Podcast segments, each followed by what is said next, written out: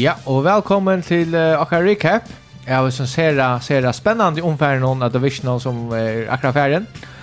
Uh, og vi er jo i uh, akkurat studiehavn, Køkbundet. Og henta sendingen fra litt av Spotify-venkene til NFL Førjar. Og som vi sendte mikvall til klokken 21. Høstdag klokken 11 og leier der klokken 16 av Radio FO. Sendingen kan også finnes av Høymasunnet Radio FO. Og som alltid så tar vi først engst, tar vi og tar Men så vi kan bruka enska vendingar som finnas och vi har brukt det dagliga talet att kämmer till NFL. Ja, tekniskt uttryck som rikar bästa bruka och i upprunna formen. Och där är vi trutje man som studion. Det är Peter Hansen, eh, ja, man ska teknikaren och serfrung Axel K. Berg och så kommer nog utsett Aknar Prestav vi sötne. Och så är det Peter Asbjörn. Men eh, ja, välkommen till den här poddvarspen. Og jeg vet ikke om vi uh, hoppa til tøyender. Uh, til ikke være, ja, man kan säga skeier og den største skeien som vi kanskje, kanskje kunne hukt og syndre til Patrick Mahomes, han fikk å skeie. Som avvarskeia han sindre i Disney, uh, det så ikke så godt ut. Uh, Backup QB, henne uh, kommer inn fyrir han og kjer faktisk glimrande och så kommer så Mahomes in efter och i eh ja han har hållit men ta sa inte han sa han var mest av av, av stövne. Ja, vi får göra ett preview av av conference championship det som ganska då som mer om konsekvenserna av det alltså men det är det är en high ankle sprain som man kallar det så att säga det är helt och piver öklen är det egentligen att att ska in är och, det är faktiskt en rättlig vårdlig ska och och under vanligen omstöv så vill man sitta ut i en månad kanske tvær, eller halvannan måned vi en sånn skia. Men uh, Mahomes han atlas er så å spela. Han kom inn etter spalte, Ja. og til verst alla det mest til at det var en annan spelare som fikk ankle sprain uh, och i omferden, og det var Tony Pollard og han kom ikke inn etter. Ja, og det sast jeg vil si, at det sast är inte det att Isen Skain, han kommer nok av en alvorlig til Mahomes, tror jeg, at, uh, som, som uh, jeg sier vi safety konfirmer det, så har vi også bettinglinjen er faktisk flott seg nok snakk nå til at Bengals er favoritter av utovøtle mot Chiefs. Så det er en alvorlig skaj som Mahomes tror vi.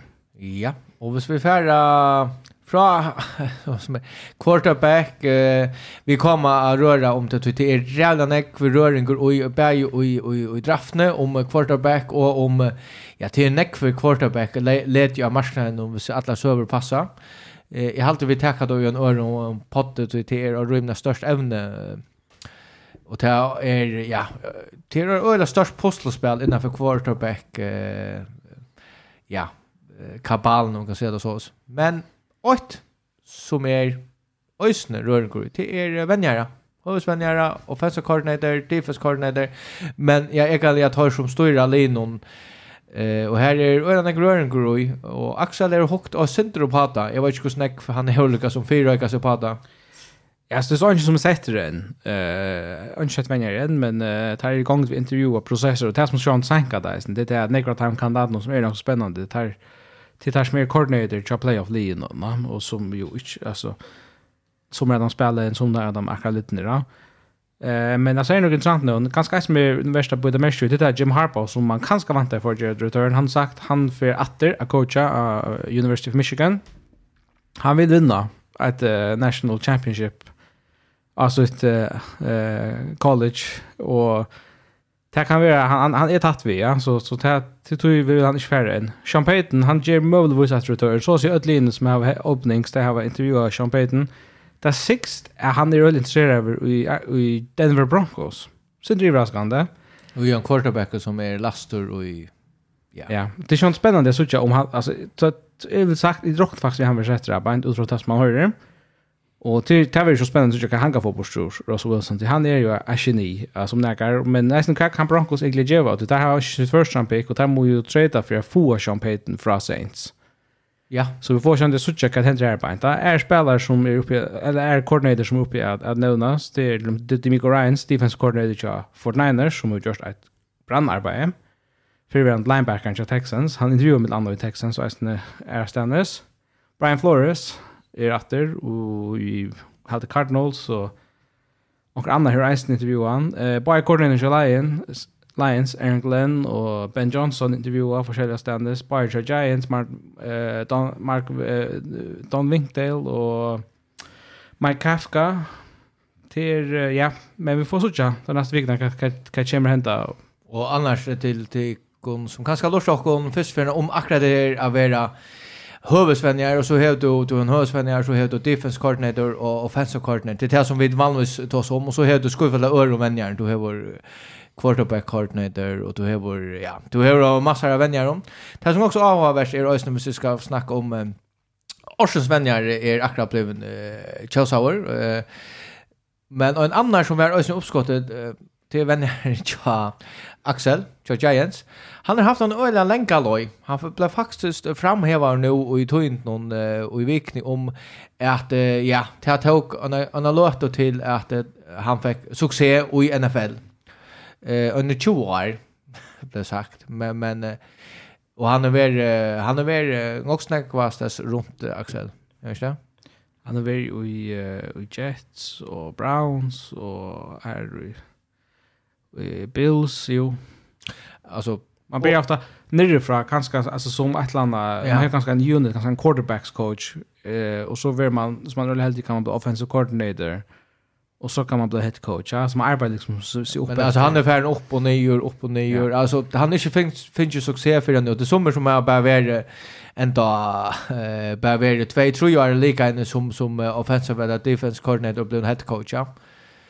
Eh men ja, Det kan gånga gånga öla kött men eh och så svänjer. Vad ska det ta bli? Axel? Nej, alltså det är ju alltså inte från NFL, det är något annat som till först att det är ta upp en Super Bowl att det blir allt. Men du har det AFC NFC coach of the year. Ja. Ja, det är alltså jag vet att Brian Daboll blir NFC coach of the year.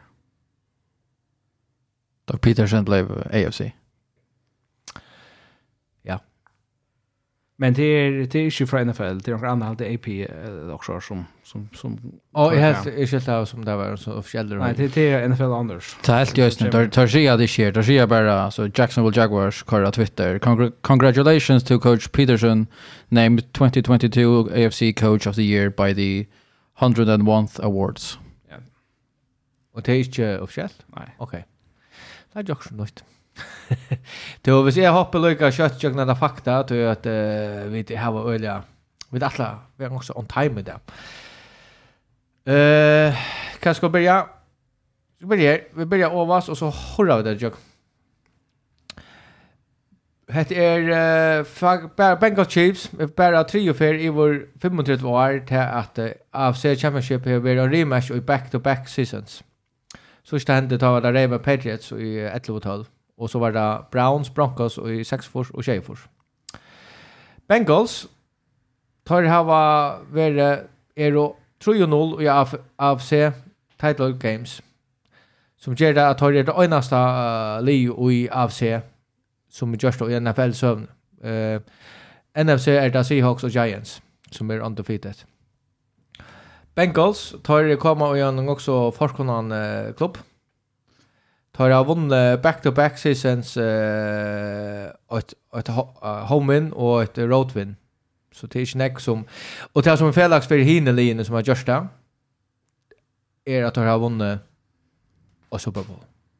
Och det var uh, Dolphins, det tror ja, Dolphins och Commanders och Cowboys. Så spurningen är om Bengals klarar att göra Toymon uh, till är 8 år.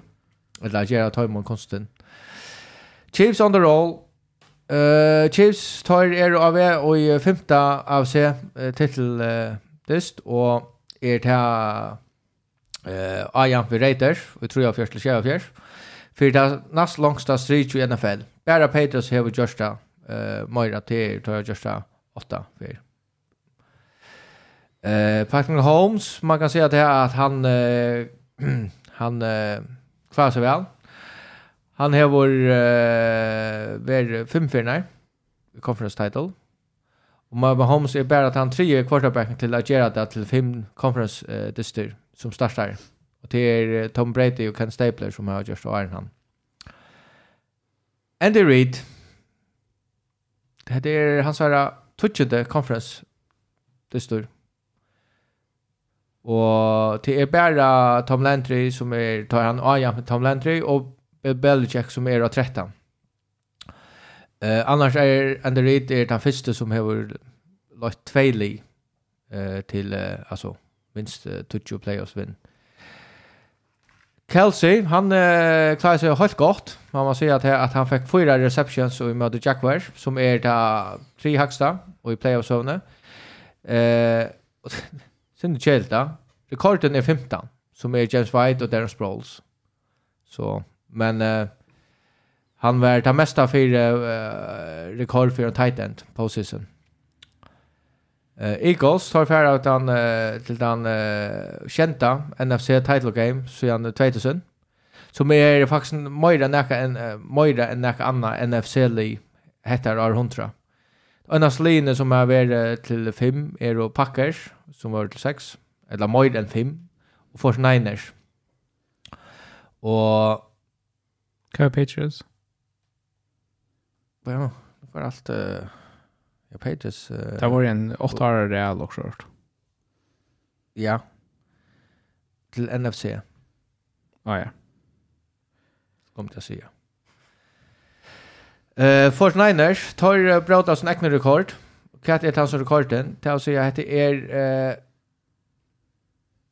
åttende fer til tar færa, så igjen AFL og NFL kom sammen under John Fjers.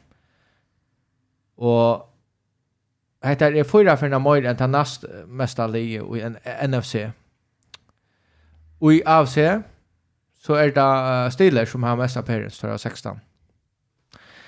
Uh, Eagles tar nærma tar narskas en all-time sack record vi fem sackon og i møter Giants så har tar 45 sjakk av säsongen som är det tre mest av NFL sömn.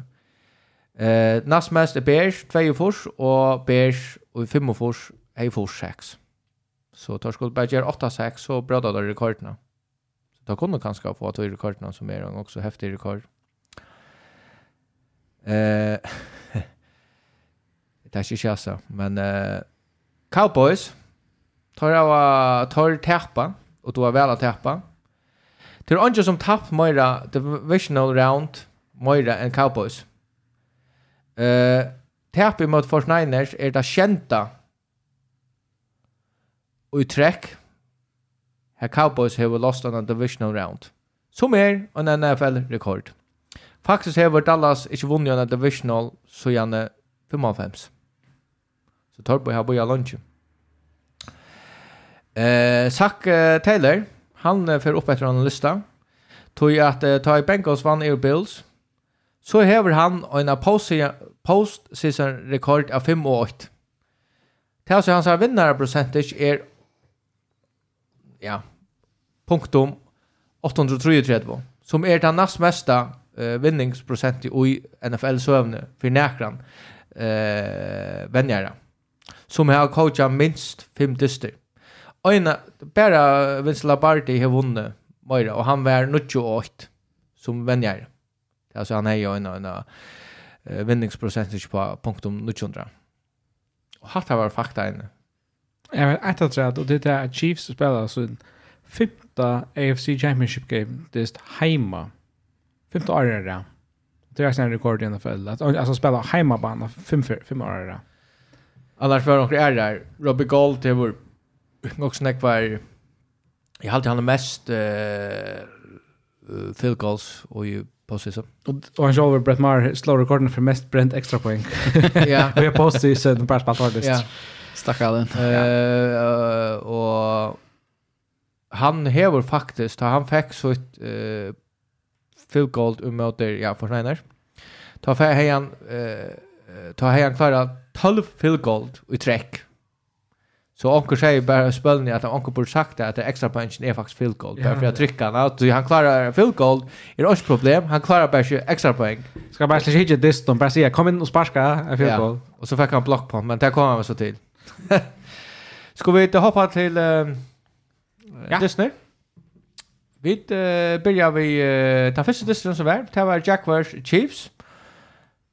Och uh, en distor som uh, var rymna jauner, skulle skje att han var faktisk rymna jauner. Han var ikke umund noen annan det som var. Jo, altså han var jauner, men man sett omkant vi fornemmelsen helt i at, uh, at uh, Jaguars får attacka siren, väl.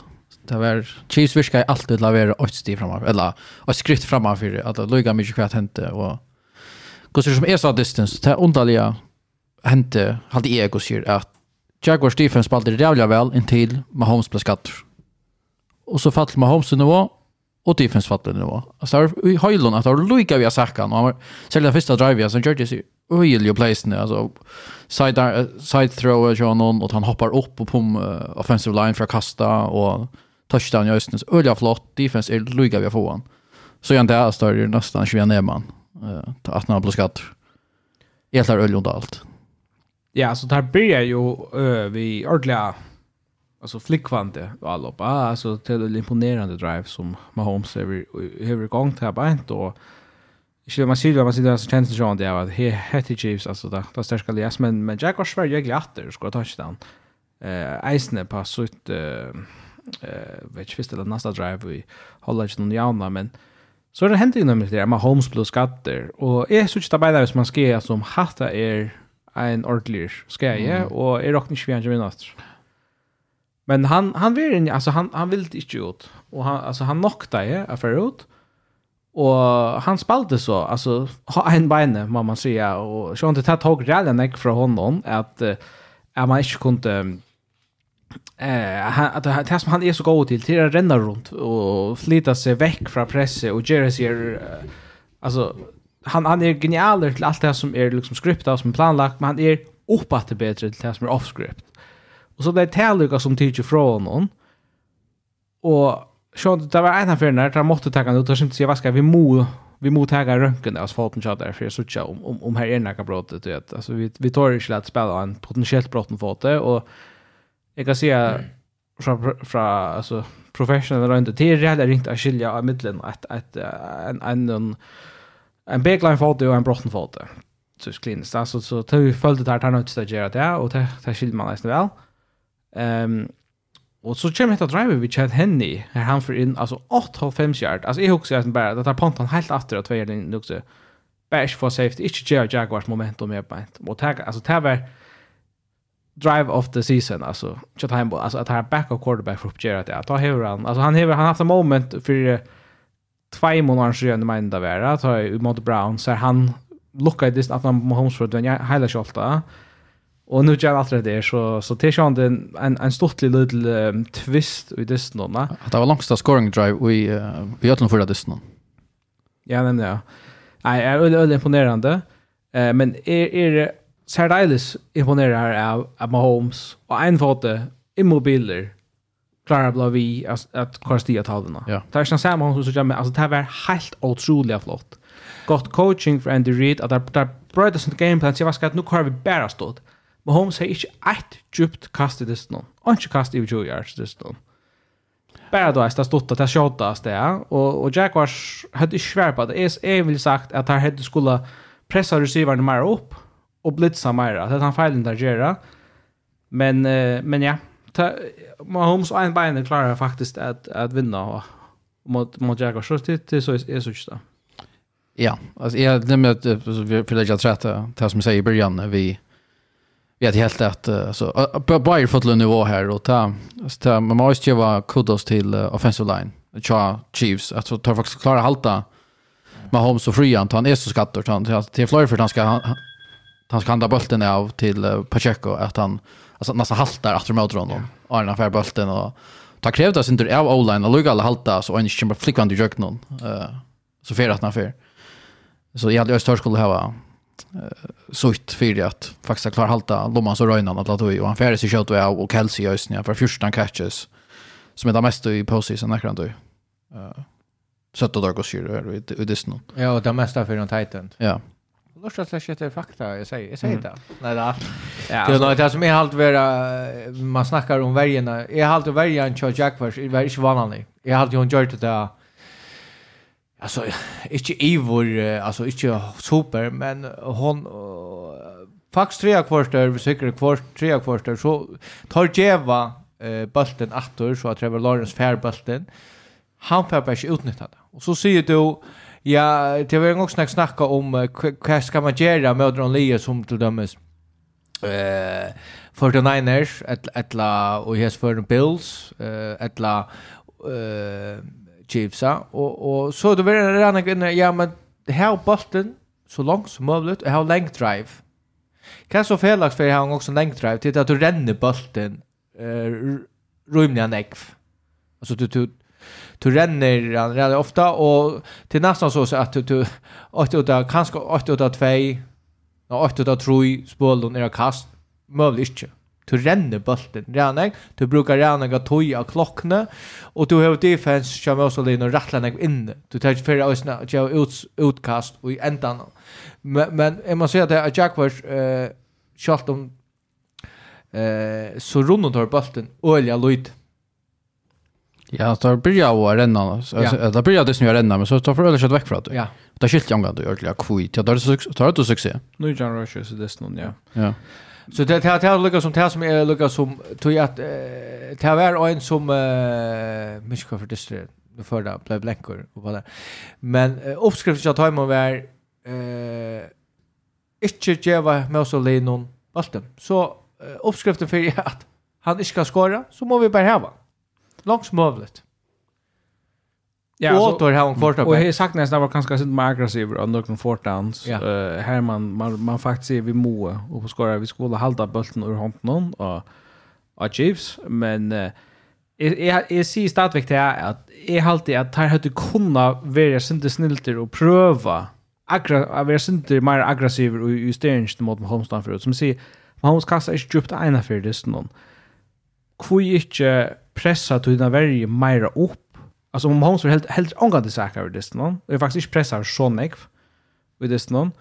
Eh kvi inte låta Mahomes prekva det att han klarar att att räka en kanonkul i 34 meter om han har varit någon. Alltså att spela åt safeties och klara den safeties uppa.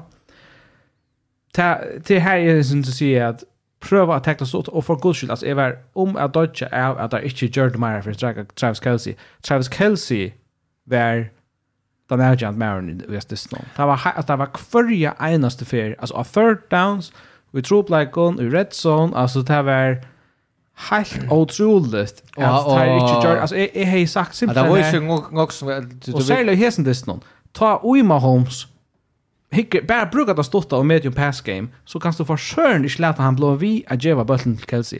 Det er nødt at teacha han ut ur disten noen, hette sko gjørst. Og det var jo spørre hvordan jeg, og vi har ikke haft en, en det var ju inte det kan skulle som sagt.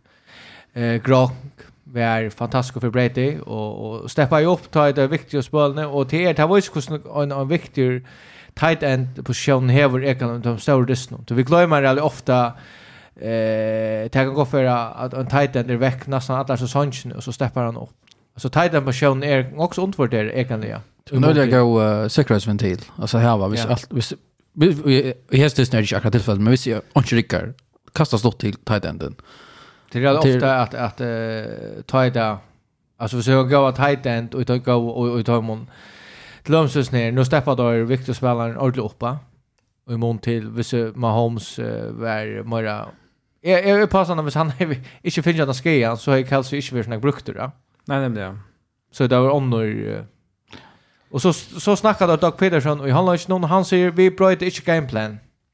Jag vill säga. Och det säger han. Det är det det här som jag alltid är failern. Och du är där och du är och jag håller inte någon och du förrör eh att du att han för vi ögon skor. The Chiefs bröt ju game plan. Ja, Chiefs bröt the game plan akkurat det.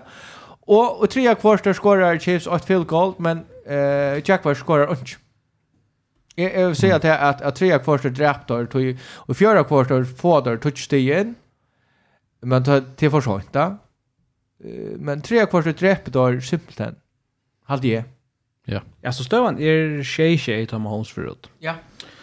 Och tar skora bara för att lätta henne för att lära henne upp skora. Alltså och tar tar skora touch han efter för en fjärde. Alltså stövan blev faktiskt 20 tjej till till Chiefs. Sam och ända tre kvarter Arn Arne Jaguars så skorar touchdown i fjärde quarter till 16-20 och tar blue distance spännande men men Mahomes är för för att no. att, att, att komma med sin outgent playen och shame nuster in i, i fjärde här han så räkar Scantling och att Rosel han alltså hoppar upp av vänstra fot i en binde och levererar han ner i ändan av endzona alltså alltså han han justerar mästerliga till till, till han så här omstövnar som han han var under Och ja, jag kritiserar Jaguars för inte att att sätta han alltså att, att lova honom att göra det så lätt att det ser lätt ut där så att det inte inte är det och tycker vi om negrar med honom så att kunna just haft där.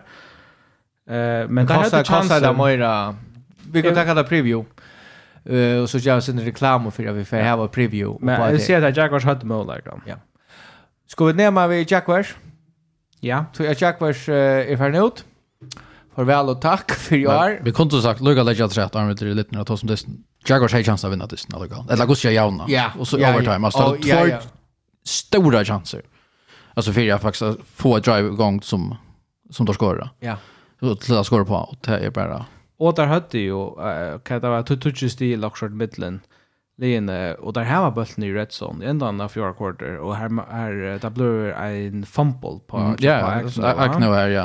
Og faktisk så ser man jo, der får jo egentlig bara natter, og så høtter skåret her, med field goal, eller han så høtter jo haft møvleggen til at, at gjørs det. Altså, og da må si att at, at, at det var en nastan, alltså är väl sagt at overgjevelig foiler som händer til han gjør, til han så ja, han ger akkurat det som man eh, inte skall han hickar fram efter Iron han är vår eh är vår trycka sig bollen.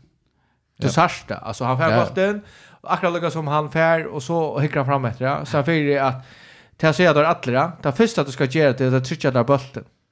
Du såg att det står ju och 5 yards linjen eller 4 yards linjen vi och någon Men han hukte mer efter det outjans spelen och ifall bulten så ränner han in. Har vi chansen. Du du till fyra fem yard han ska ta. Så han har haft han så stör han just Arnt ja. Alltså alltså kick return nu tog alltså till han ganska äga spenter nu för han ska ta. Så ser jag då att han han är faktiskt och får inte return han då. Och ja men han gör det gott efter nej han körde skott han tappade dysten ta. Ja, alltså jag alltså hade kanske kokt någon gång time dyst ja. Vis vis han bara alltså Charlton där ska få goal där så tycker jag att det har haft en stor chans till. Och att det var och vart först vart första down tar det blackout så de har faktiskt haft uh, ja. två down efter det kanske trutcha så kommer säga åt Järlen så då kanske jag QB åt ett Snake Ja, jag vet inte det hade det gått och Akne han var lucka vi har skorat touchdown i Arden ta vi ett return. Ta som man kan inte kalla kalla det för botkar uh, blockerar han men alltså hellre kommer i face mask och tog det efter men det är ingen annan efter ta Tacklingen teller. Ja, ja, det är det som man vi alltså att han ger det med en dektor och inte ska touchdown, men annars är det frukt till en sån. Ja. Och här är det första steg som han vi gasar en kostar in som är av helt åt. Det känns så skilt. Nej, nej, det tog ju sig gasar igen alltså. Det känns så skilt, men vi sa värst inte helt gär i banan för hon så jag skaffade dem första steg så det var framför. Men då som Jaguars, kan skulle göra off season. Och Jaguars är en går position. Alltså heter här är alltså mamma inte då hon kunde tala vi till kritisera där för hända det så då se till till reisen i Jordan alltså nu nu nu dömer vi där mot förresten det nåna men alltså hade du hade sagt vi Jaguars i början av Arnon att han var i divisional round så hade vi öliga glädje för det. Det liksom inte attas två år i NFL. Nästa år här var där näst mest cap space i NFL. Där här var bara nu projected 3,3 miljoner dollar i cap space. Mm Och det är ju det, här är inte några pengar bundna upp i, i stora stjärnorna. Alltså det här som det här mest pengar bundna upp i, det är Christian Kirk, alltså det här receiver, som där gå en stor kontrakt. Trevor Lawrence är ju boilig. Nästa år för Trevor Lawrence 20 miljoner dollar. Det är svärsta anki för en quarterback. Det är Jag har kaliber någon. Och det är ju bara tre år. Så han får inte få, alltså 415 år i fjärde. Han är en fem år kontrakt. Och så står det där ganska 16-16 miljoner för sin franchise. Och NFL-servan har ju visst åkken till. Det är så snägg vi är at det er med at en quarterback er a rookie deal, at du har størst chans for å vinne. Så det er fleste quarterbacks som blir over, tar blir over innenfor det, altså beina veien, og du skal optimera med medan du hever det, tog at om, om, om tve år, eller om tre år, så er du nødt til å betale, så, så for Trevor Lawrence får jeg ganske 40 og 30 millioner dollar for å behalte, altså, for å behalte henne. Det er nok så stor måneder av fra Tutsi. Det er jo sånn ikke mer penger som du kan bruke på å forbedre ditt liv annars, og så er helt sikkert på å kjale for du. Vi så det i off-season i år, tar for i all-in, signa i flere spelare, fink, altså er monande bedre år, og tar kunne ta et stiv vujere. Så det blir faktisk spennende jeg fyller dem neste år, og jeg trykker vi vel at vi kan ta som en contender. och Og tar her og rettelig ungtlig, Ter, tar han også nekvar unga spelare som er bøylige. Alltså det salary cap säger det så vad det tar här va. Men tar det är spännande. Absolut en contender. Ja. En spelare som han flasher att det Calvin Ridley är ju faktiskt Archer Diamond. Rasta så han är ju bara suspended. Ja. Ja, passar, ja. Det är spännande vid när han tar sig vakt. Så ser det draften. Jag ska chocka efter draften snack. Alltså här då det ligger ju attast då och nu det last. Det ligger ju kat. Ja ja. 26 lock. Men men här då här var jag vet inte hur snack. Hade House and Picks. Ja. Okej, då borde jag så in i ekno så vet jag om det har. Och Montley jag med vid där picks den att touch yarn. Jag ser kvar jag för och så kör det också och så missade bara Mara picks. Sanje. Eh, nästa dist. Och vi kör vi får snacka om och Jackfors och Chiefs tar vi förra gången nästa säsong. Men sen Giants eh, eller ja. Och Eagles tar mött oss. Och är halt eh chatta så men är är ger vi år i till Axel. Inte tror att Giants tappade men det tror jag att han är vår hooked message det. Så han var är hooked i snäck. Det skulle är lite. Eller vi tog faktiskt här var ju. Nej, alltså. Jag ser att för att uppsummera så alltså så ja, alltså Giants tar blod dominerar och, och grunden till det det tror jag att Eagles dominerar båda menar av linjerna. Tar offensiva linja. Jag vill säga Lutzen Rivera, survival det här var möjligtvis det bästa. Det här var nog två bästa offensiva linjer i NFL.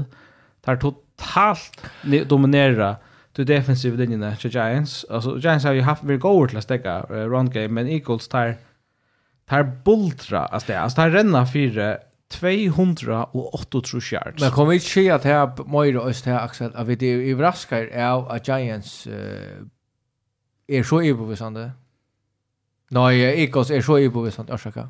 Jo, alltså hade var att alltså absolut en stitchsmitting. Alltså det säger alltså att renna för 208 yards det är jävligt imponerande i måter en, en, en, en verje som faktiskt är god i måter rennspelen. Du, vi snackar om at det är vi verjen i Giants og Sush har mött oss. Ta, altså, Giants finnes jo faktisk, fikk trutjar spelare efter i verjen, ja.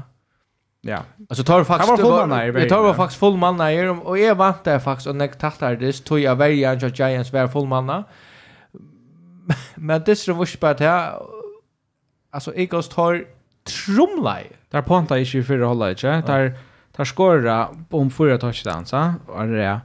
Och Jalen Hurts, tar, alltså vi tar så snart han och så får han att att komma åter över där spalt så lite där sista sex veckorna.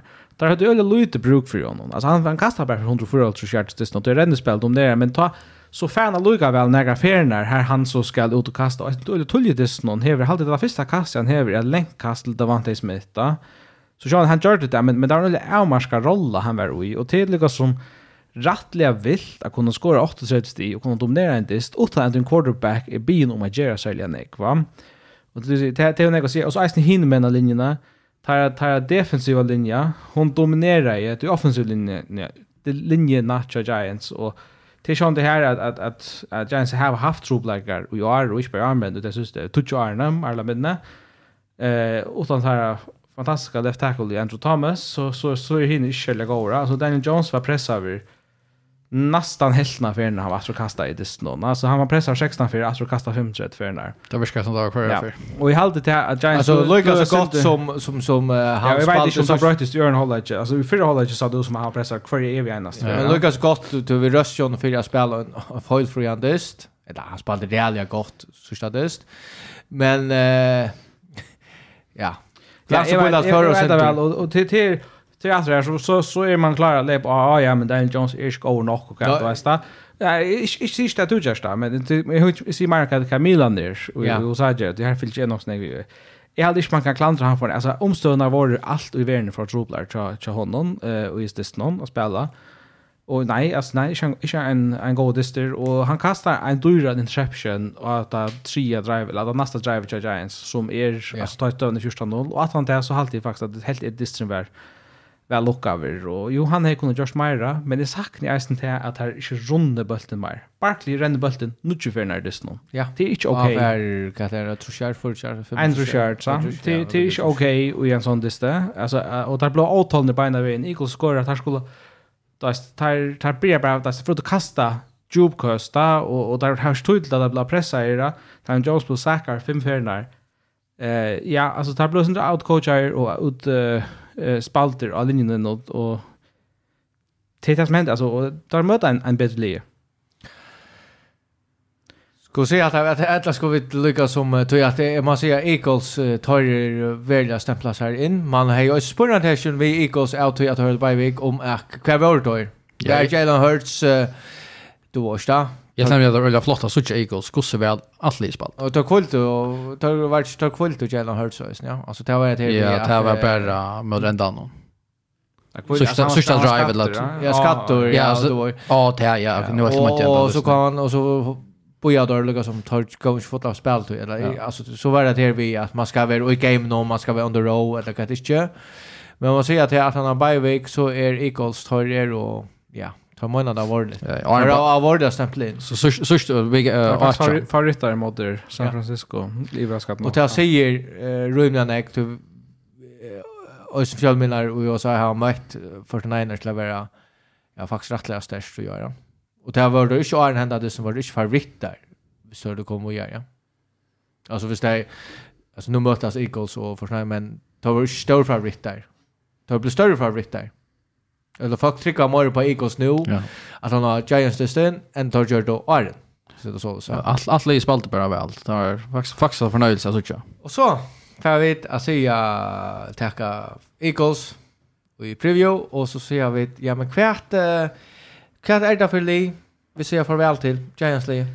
Du at det er minne nek om Eagles li, her, her man nøy orsaka Jaguars li, her man ikke vær super wow, altså vad jeg å komme så lengt, eller hva? Nej, slett ju hör ju alltså. Då säger vi med Arne att man förut man, man släpper spela en divisional round this alltså så så är det ju alltså absolut mer än godkänt. Alltså det heter väl ju ett rebuild av första år vi vi Brian Dayball och man ska helt glömma det att ta har onkar wide receiver. Alltså say Hodgins har varit den bästa wide receiver i år, Giants. Det, det säger jag inte. då. Ehm och Giants här är det så en stöv, nog speciell stöv och, och tar här nog snä cap space nästa år. Det är lite i topp 2, det är lite som tjej och det har 45 miljoner i cap space, men jo men Fortune säger Quan Barkley eller Daniel Jones är kontrakt nästa år. Och det här det är faktiskt en jävligt intressant diskussion. kvärt just du vid Daniel Jones? ska gärst du säger Quan Barkley? Mm Sier du nu, Daniel Jones, hva skal du gjøre nok til at du første ser Fyra år av kontraktene. Sier du kanskje at du røyner få han på 2-3 år. Franchise tag du Daniel Jones, det kan du eist godt gjøre. Altså franchise tag, det er jo et her du sier at en spiller... Hva er det franchise tag yeah. kjøtt om og Daniel Jones gjør? Nei, altså hvis du... Altså, franchise tag, det er jo... Jeg har et franchise tag, altså en spiller Det tar faktiskt en tvangskontrakt. Det säger ja, men, men, så spelar av... Men, men har given till och visst... Ja, så till, och till som mi allt mialt helle av uh, tam fem högst betalda spelare i NFL. Uh, jag kan lucka hitcha efter kvart, kvart det ligger. Att det kommer nog att hitja oh, en fjörde miljoner eller så. Vad Kan det du George för så över... Då har du givet Barkley Barclay en större kontrakt.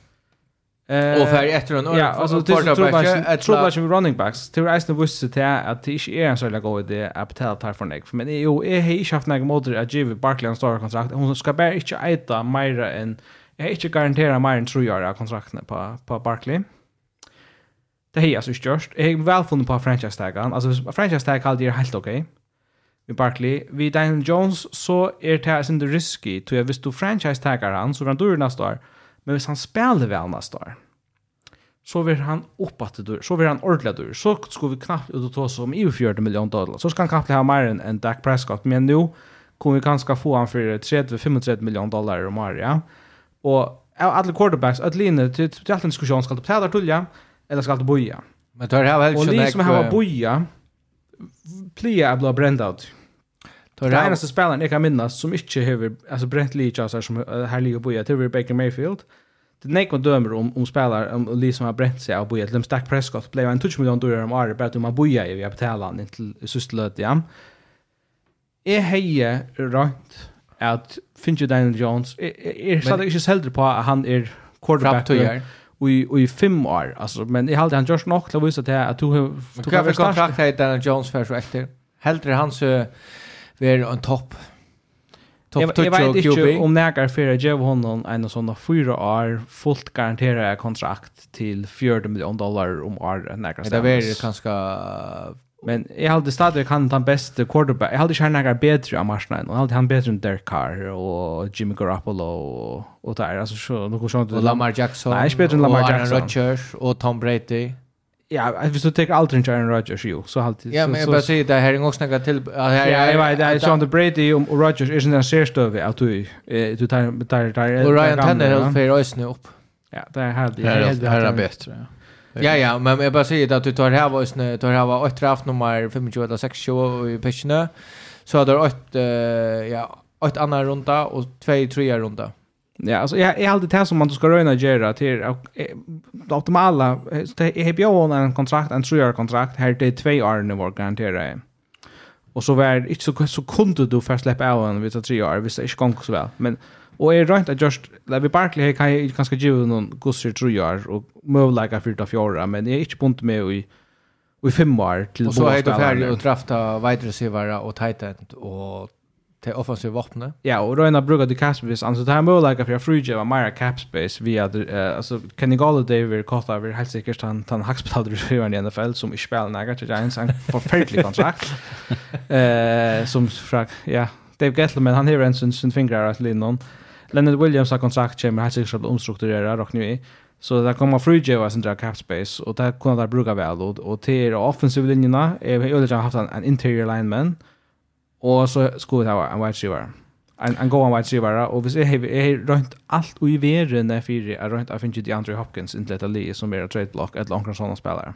Men tar kunde tar kunde trade så här tar kunde få så här en en trade och så kunde drafta. Ja, men draftklassen och free agency klassen blir inte superstarka för wide receiver i år. Så är är ordla ordla ordla runt affär att trade med till till någon sån sån spelare, men det är sånt inte lätt lätt att säga och han är inte ändå ändå med över men jo, tar mot styrka av, White Shirt på sjön. Men kan kan hålla tid så om den Jones. Nu är så jävla att det är spiced och så jävla så kan kan ta förnemmelse att det hade tid hålla tid att man ska binda sig till Daniel Jones eller ska man se vad ska Hvis du ikke tog med en stort kontrakt, så kunne er vi ikke vi hva vi gjør fra det. Det er alle bakkos nekk. Eller franchise-tagget du. Det er, altså, jeg alltid til Ølja Rengt, tog jeg at han er free agent, og han spalt så vel jeg har, og mån til hva han har gjort. Altså, hvis jeg bare haft 8 år rett, lukket seg han og vet du, vad har vi där? Tog har vi gått och säga franchise tag, men jag tror inte det är dåligt, när lugg. Men det är inte just det jag vill. Men det var det på franchise tag, så det är så jävla dyrt. Det är akkurat det. Tog jag får inte bestämma mig, alltså att jag halter vet. Prata så då bara så det är ösnen till vi att det är Jones är synder, det är synder Han har ju inte haft näck vapna kastat till. Så egentligen är han sort hur han är prestera, ja, mövliga. Eh ska vi så bruka franchise tag? och så kanske bolstra vapnet lika som man kanske har gör i i i Raiders bara Raiders är mer förhandla vi än vad det kan Giants server på en annan voice och man kan stända så efter vi om åtta år stända då så att du ska knappt betala EU-pris för en quarterback eller ska du eh Alltså det är ju alltså det är två sån här campingar. Så vill han dyr här. Ja, så vill han jävla då på marknaden. Men han vill hellre riskera att att sitta fast vid en ett år längre i pjöst. Ja, men är alltid han topp touch QB. Nej, men han är gränsen hvis du tar det gamla borster, hvis du tar med Holmes alltså och tar borster. Så ja, ja. är han kanske gränsen för att kvar quarterback du vill det ha till starta ett franchise. Och så är det där spännande, tror jag att Giants kanske är en sån mittelgras så nu. Hvis ja, hvis Clemens eh jag säger Bears uh, vil eh, få en pick og Justin Fields för. Er Justin Fields? Nej. Som inte håller mål. Faktisk, så, så, så, så faktisk, så trade i Giants vi Bears så så där opp touch Justin Fields og Giants trade bort. Det er Nigel Justin Fields da det är ästen då. Det er just just. Ja ja, men at jeg hadde avhørt, tror jeg at jeg var inte att det her hendte, men man kan godt sette det opp med kornöron. Att det där ser inte så Uh, vi kommer till det men, men alltså Justin Fields är han tar trade av han är han lika goer som Bryce Young. Nej Bryce Young är bättre prospect än Justin Fields. Yeah. Så är jag aldrig en värn men sen ger hade han sagt med det vi rookie kontrakt. Alltså där vi ju ringt visst du tar du ska betala nick pengar till Daniel Jones så vill det ju hur min pengar till resten av linorna. Och efter det han kan vara i en lie här du har störst lie om sig med lie vill lucka störst, du ska betala lucka nick pengar till honom. Så till resten här är han så goer att han kan bära ett liv i en dyrare kontrakt. Men ja. Vad är det yngst? Ja, jeg som er rønt å finne en for stemme til 30-35 millioner i tre år, og rønt av garantera det i tve år enn jeg Og, og så er han finnes 25 millioner garanti? Nei, han garanterer fullt ut tilbake til tve år. Og så, så har sagt sagt ja, at det var garanti. Ja, jeg vet, ja, jeg, jeg, jeg det. Jeg vet ikke hvilken annen lige klarer å tale mer til han. Men uh, ja, vi kommer nok å snakke om Giants og ja, Sean Eagles for å snakke mer om. Uh, Bengals, Bills, uh, atter en... Uh, Och det står som vi inte vantar och för att vara öliga, öliga spännande high scoring game här. Ja, och i någon och man man vad säger att här att Joe Burrow då är väl att spela i Kavan. Ska jag säga att här? Jo, öliga går bra. Alltså tar vinna Shejo Tucho och tar er on the road Bengals och ja, yeah. man ser att här att Josh Josh Allen han skulle säga chef ser han floppa ju. Han har 225 yards. Gott nog. Jo men nu i samband med att David akkurat oss om uh, Dan Jones. Kvart här var Tarbar Fredla är en uh, västrare. Dayball, ha? Han är um, Alla saknar han. Det är det man nu. Alltså att han är färden från att göra öliga, nu gör han öliga några turnovers. Och det gör det Daniel Jones ösne och det gör han inte långt. Så jag tycker att Josh Allen saknar han. Och tar blåa gradliga outcoachar i distan. Alltså, det må man säga. Och alltså, Joe, Joe Burrow spelar ett romstövn. Han för ut och teker han syns som Mahomes faktiskt det stund. Teker det stort kostnader, bom bom då är Läser banan kört. Han vet det att man spelar vi ringt om stövon och han spelar ett då och te, alltså det var en makt demonstration fra Bengals. Og jeg vil si det, det er ungen ive langer om at Joe Burrow er månande bedre enn Josh Allen som quarterback. Vi har sett Josh Allen opp her med Martin Mahomes, det er til halvdige i færre borsen nu. Joe Burrow, jeg, jeg sier det, jeg snarere, jeg tar ikke den beste, jeg halvdige, han er den bedre quarterbacken, jeg halvdige at det er nesten indiskutabelt nu.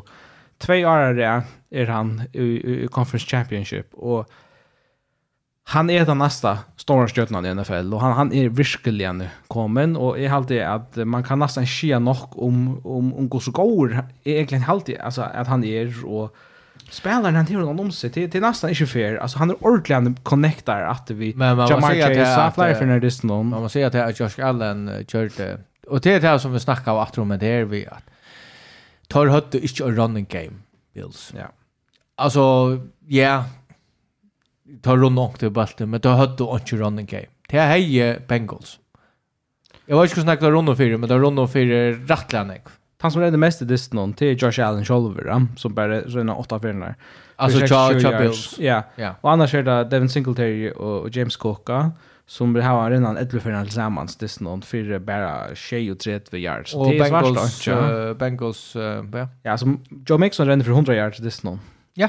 20 carries, ja och ett touchdown. Till till Storm Undra här på ett och eh jag ser från första bruksliga så det dominerar Bengals. Och är så inte det ju egentligen synd som vi hade hela mindre men nog när om Giants Eagles distan alltså här Dina Lee bara för in by vägen visst har vi det bättre än det Och säga säger att det här alltså tar skora om det hade skora touchdown tvärför ja. Ja, det var onkel skriva ett effekt i början det snön sett att ni gör och så säger onkel Peter eller något skriva i ett land och jag säger ha jag fick inte jag skrev Game Pass rikka alltså shit det var ett land och jag måste ut och så prova och andra blev så irriterad av och så tar jag kom in till det stön.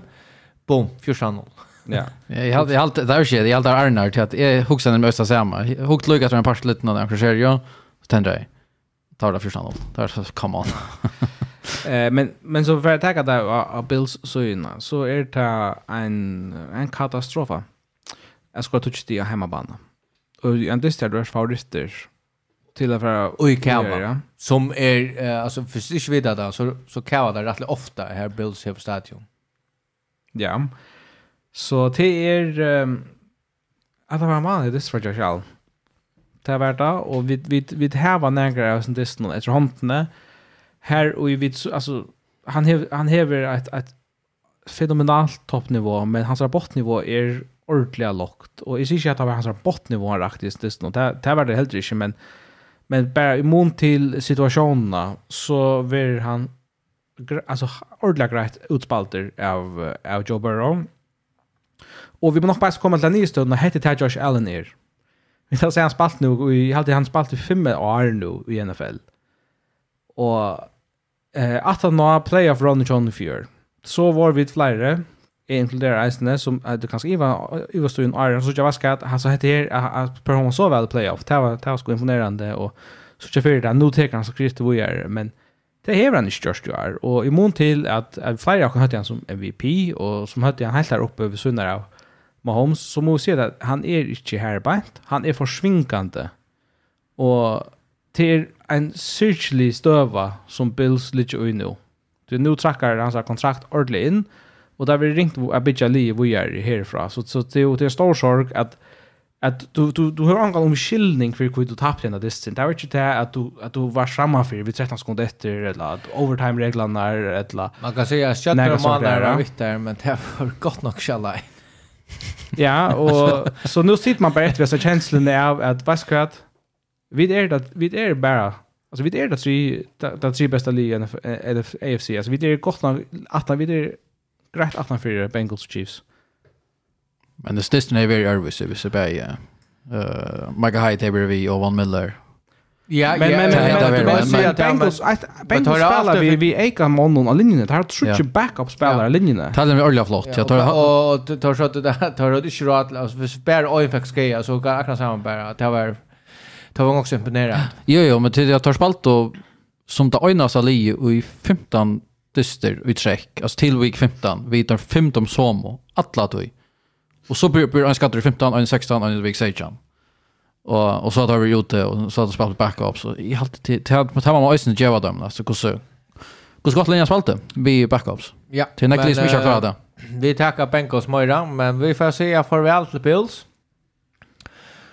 Och ja, klart är Bills nästa år.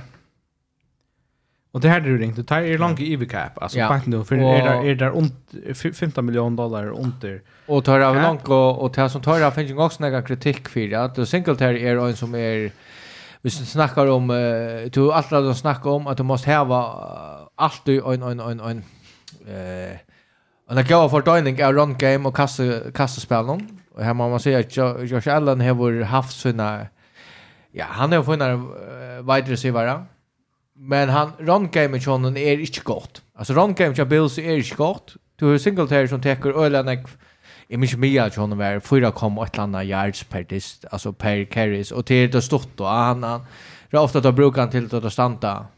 Det skulle lucka få en down eller det skulle lucka in. Så brukar det Singletary. Han ränner inte ofta längt. Det alltså att och normalt för sig då en som bara pontar jöknon och han är han kör Bills. Annars hade det realit Och han som plejer Russia mest, det är Josh Allen. Tja. Det är ja, det är ju halvbar loss långt. Det är ju att han och quarterback ska helst inte renna för nek va, alltså. Jag vill säga ett ting som Bills saknar det är en vänjare som är offensive minded. Alltså Sean McDermott är ju en defensiv vänjare. Han har en defensiv bakgrund som som som koordinator. Men helt du att jag får säga Nej, därför jag kör det hvis man kör vägen så gör man det spina vägen. Det är det är inte prat om det, men det är kraftigt om också eller det är just alltså finns andra vänner inte ju att som jag ser så där så är så viskar det som om heter Billsley Heavy och svägna rakt loft i chaser och det är nog så ringt att söka att nästa stiger. Li är försvingande och Sean Tesson tar kunna satsa på det är att man att man kommer in vid ordentligt steam och i playoff och man ordentligt sträcker så har konjunktur som inga och bara då är körer och och är ja är sen helt i vi att allt klicka på det rätta touchpunkter men här kommer alltså här här är ja det har ringt vi skulle för att kappas vid Bengals och Chiefs nästa år och det som säger att här är det ett alltså grejt ett väldigt och nu nu trackar kontrakten i giltigt Stefan Diggs och Josh Allen. Von Miller är en arbeid, och eh, alltså hisse spelaren, det är bara att han tror att en tre inga av ett salary cap, va? Så och, och där är långt iver, så där får jag kunna förbättra lite i chassar. Alltså där får jag kunna få en nu till friheten, så må där kanske kunna få ankra män ut, hoppa på att drafta väl. Kvann, kvann skulle ha ut? Ja, jag vet inte. Alltså, kan jag ta olika, kan jag ta trade där för att få några picks och få salary cap? Spurningen er om en mer som Matt Milano ganska kunde bli tradar borsters eh eller eller så eller Van Miller.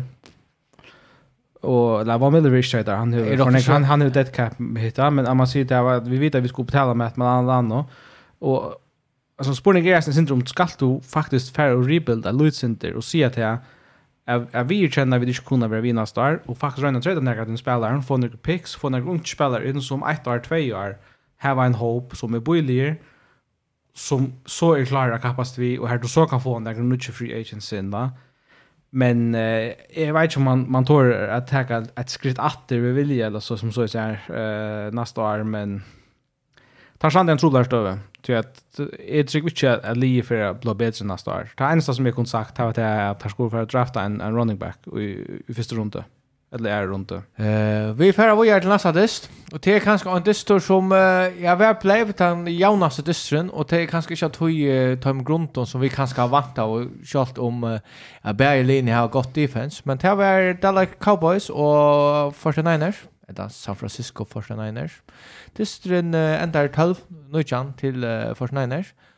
Och mamma säger Brock Purdy har inte haft en NFL-dist än. Eh, imponerande. Uh, men det var nok inte han uh, ordentligt han som man säger wow han vann dysten det var ganska möjligt att uh, defense vann dysten för uh, Fort Niners. Eh uh, det att det stod. Ja ja ja. Uh, ja jag sa bara highlights så. Spencer eh och på dysten. Tar han det defensive dysten. Ja. Vad man säger och faktiskt något fascinerande. Ehm um, kan när det först det eller Cabo scorer så touchdown här som han bränner en extra poäng men Katas hålla stå det 6 nutche och det var nutche nutche look inte ända något tre quarter och det vi måste säga mer här faktiskt han brände det inte men det blev ett block Ja. Men han är bränt att ta var han tar tar blocka ut alltså längt ut av linjen alltså han han är skottet den här längt vid sönder. Längt vid sönder ja, men det är kanske bättre för han att han inte släpper. Ja. Att hör på.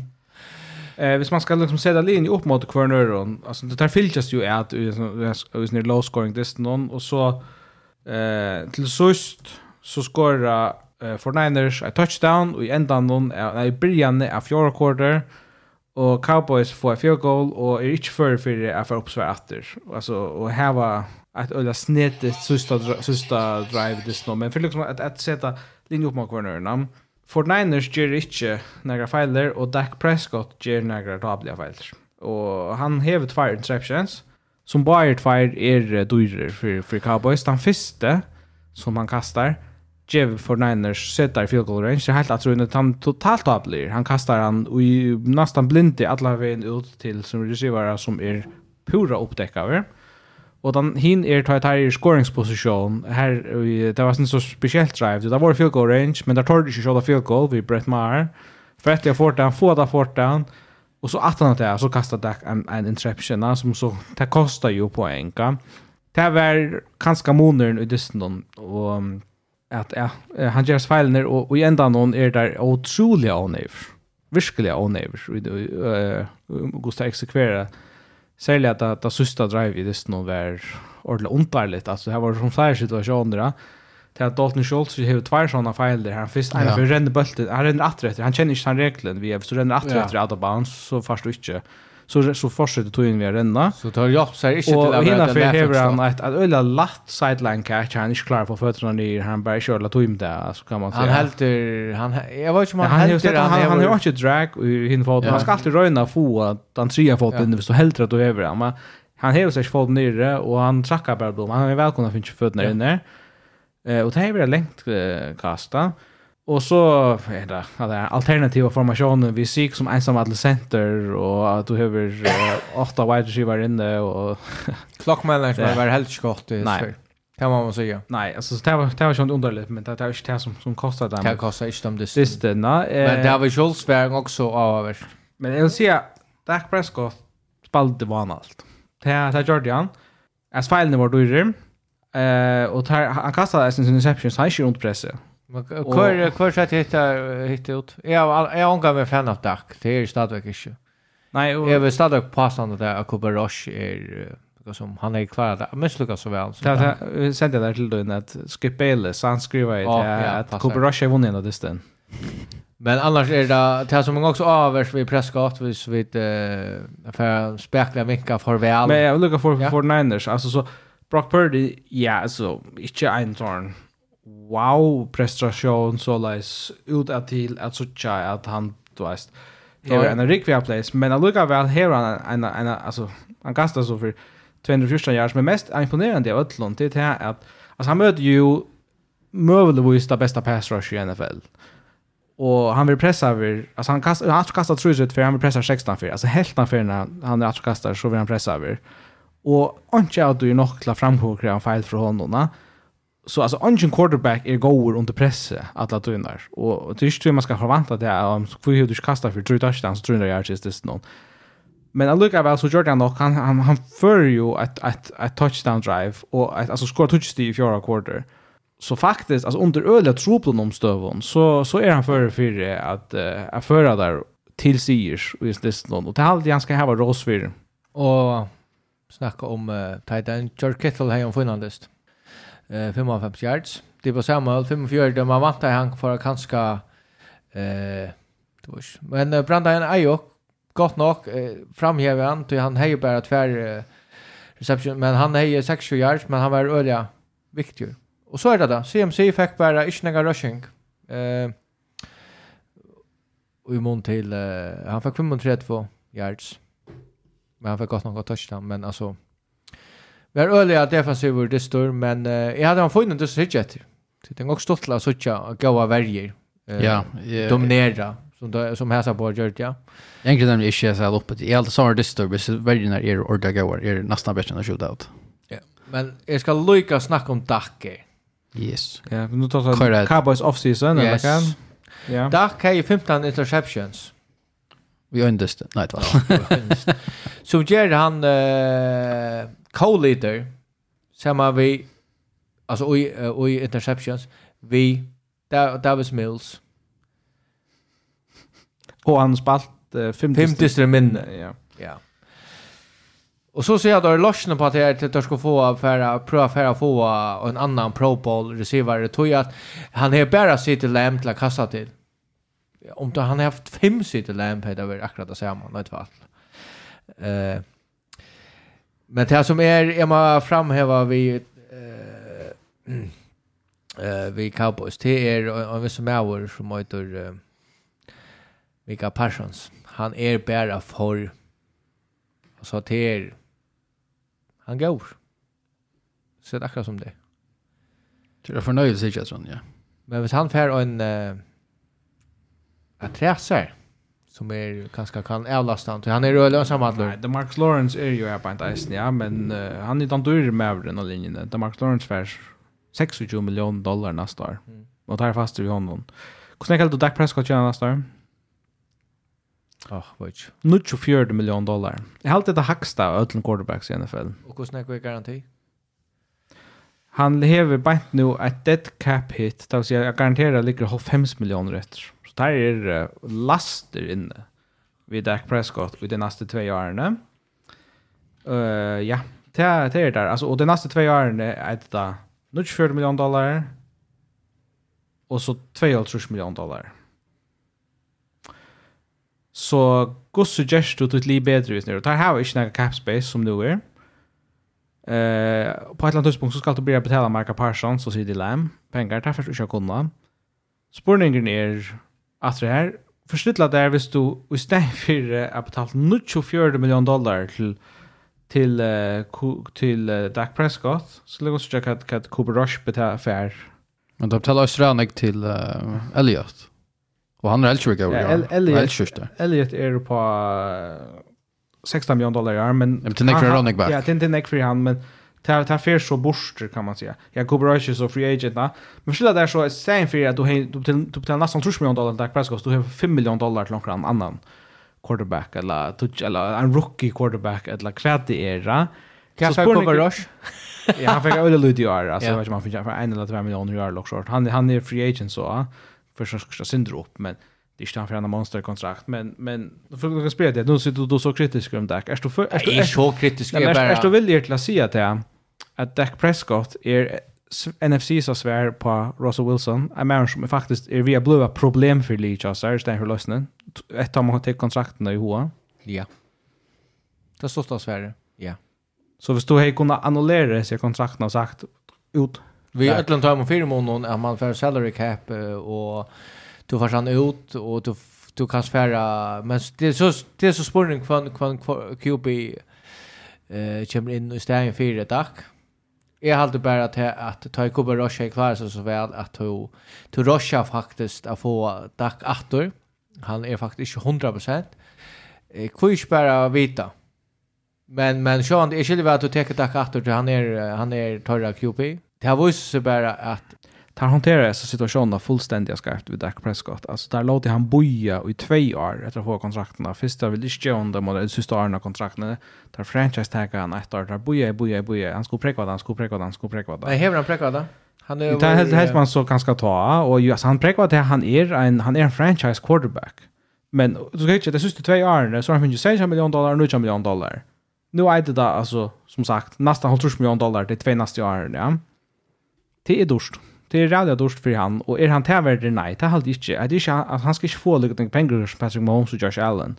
Så jeg, jeg tror vi stadig at Dak Prescott er en quarterback som er hengi av sin omstøv. Han er ikke en maver som ensam atler ber ut litt til Super Bowl, lukka som uh, Joe Burrow og Patrick Mahomes kunna uh, agera, så jeg har alltid tagit en tro på det här stövet. Ja, alltså, hvis vi säger... Men alltså, Lee är stadigt gott. Alltså, det här var bra spelare. Vi har sagt uh, Mahomes, och så säger vi... Uh, Burrow och Josh Allen har också varit här uppe som vi snackar okej vi tar Ero tar Ero så går som nu ena för vi ger till alltså tar Ero Hej då till uh, Dak kvar är han är han topp 5 är han topp 2 Han är jag ska ta det jag hade inte att Dak är lums bättre än uh, Kirk Cousins Det hade inte. Jag hade inte han en topp 5. Kanske topp 2. Nej, han är slett i rövers topp 5. Men topp 2? Du har visst inte topp 20 så här jag jag jag kan jag kan du kan hvis du till så så ramsar någon upp här på ett fyr där och efter gosse där där får lön det va. Sean Watson, Patrick Mahomes, Josh Allen, Kirk Cousins, Tom Brady, Aaron Rodgers, Stadvik, Jared Goff till diskussion, Matt Stafford, Kyler Murray, Joe Burrow, Trevor Lawrence, Tua Tagovailoa, Justin Herbert, Jalen Hurts, Kanskje anker han er til diskusjon, men, men jeg vil si at han er beint utenfor Tottage. Han har 13 quarterback nå. Ja. Og så sier jeg Cowboys. Ja, det er ikke grått å kalle han at han blir alle seg spennende. Men han er... Ja, ja, ja, ja, ja. Men, men så sier man uh, Cowboys. Her har Tøysjong også... han då tar mankla kanske en en finnan eh och supplement eller en en en mejal goan wide receiver att träta sitter lamp. Men tar här och rymna gott liv. Alltså tar tar tar rymliga väl bossra till att säga ja men är du content där nästa år? Ta bort där vi. Ta bort där vi. Michael Gallup är sen gå watch sure. Ja. Men är är är men men kommer då alla med vid Dak Prescott? Jag tycker ta kunde där. Alltså vi han spelar hur några disk kan spela väl, men man ska bara vänta åt det. Alltså som vi gör en Leon kan du också okej. Att han så ställer ju på. Men hva skulle du Man lukkar han också Cowboys kunno. Fyra runt av, men hva skulle du så göra att du har behållit dack? Det är också till till också rymd alltså. Det är inte nöjast. Det är nöjast. Men hva skulle du så ha? Skulle du ha en wide receiver och en offensive linjeman? Hva skulle du ha? Hva är hva är likheten för att säga att det ja men ta komma vidare långkor. Ja, det var ju långkor men men ja. Jag kan ha långkor tror jag tror jag nästan var bättre än det är som får. Vi var redan på en debiktas officer linjen till så dominerar som vi är ta så kanske brukta sin draft kapital där. Ehm Jag vet inte alla kan man ska säga alltså secondary ehm ja. Det här var ju alltså ett gott li och det här var ju mer cap space efter så jag då ska se så att det så att det här lever bättre nästa. Så det är så gott som den bästa chansen där där där hade. Så då klarar jag inte att göra bättre. Det är hela linjen som vi färdig ut här vid egna sagt. Det kunde faktiskt göra synd bättre. Till bara Cowboys är kommit här till att de inte göra bättre. Tror jag tar hava salary cap är det som det är. Prescott är för dyror, jag kan det. Ja. Allt är nystavan. Det är nystavan och kärlek till det American team. Men uh, här det var det. Och fyra... Uh, eh, för Jakob och vi rådde vinna det. yes, här var det. Vi tackar för det och vi kommer med en nutjon pottvarsper. Här vi får ha preview av, ja, Ta vi må nästa spännande snön som är och fyra framman så vi så just.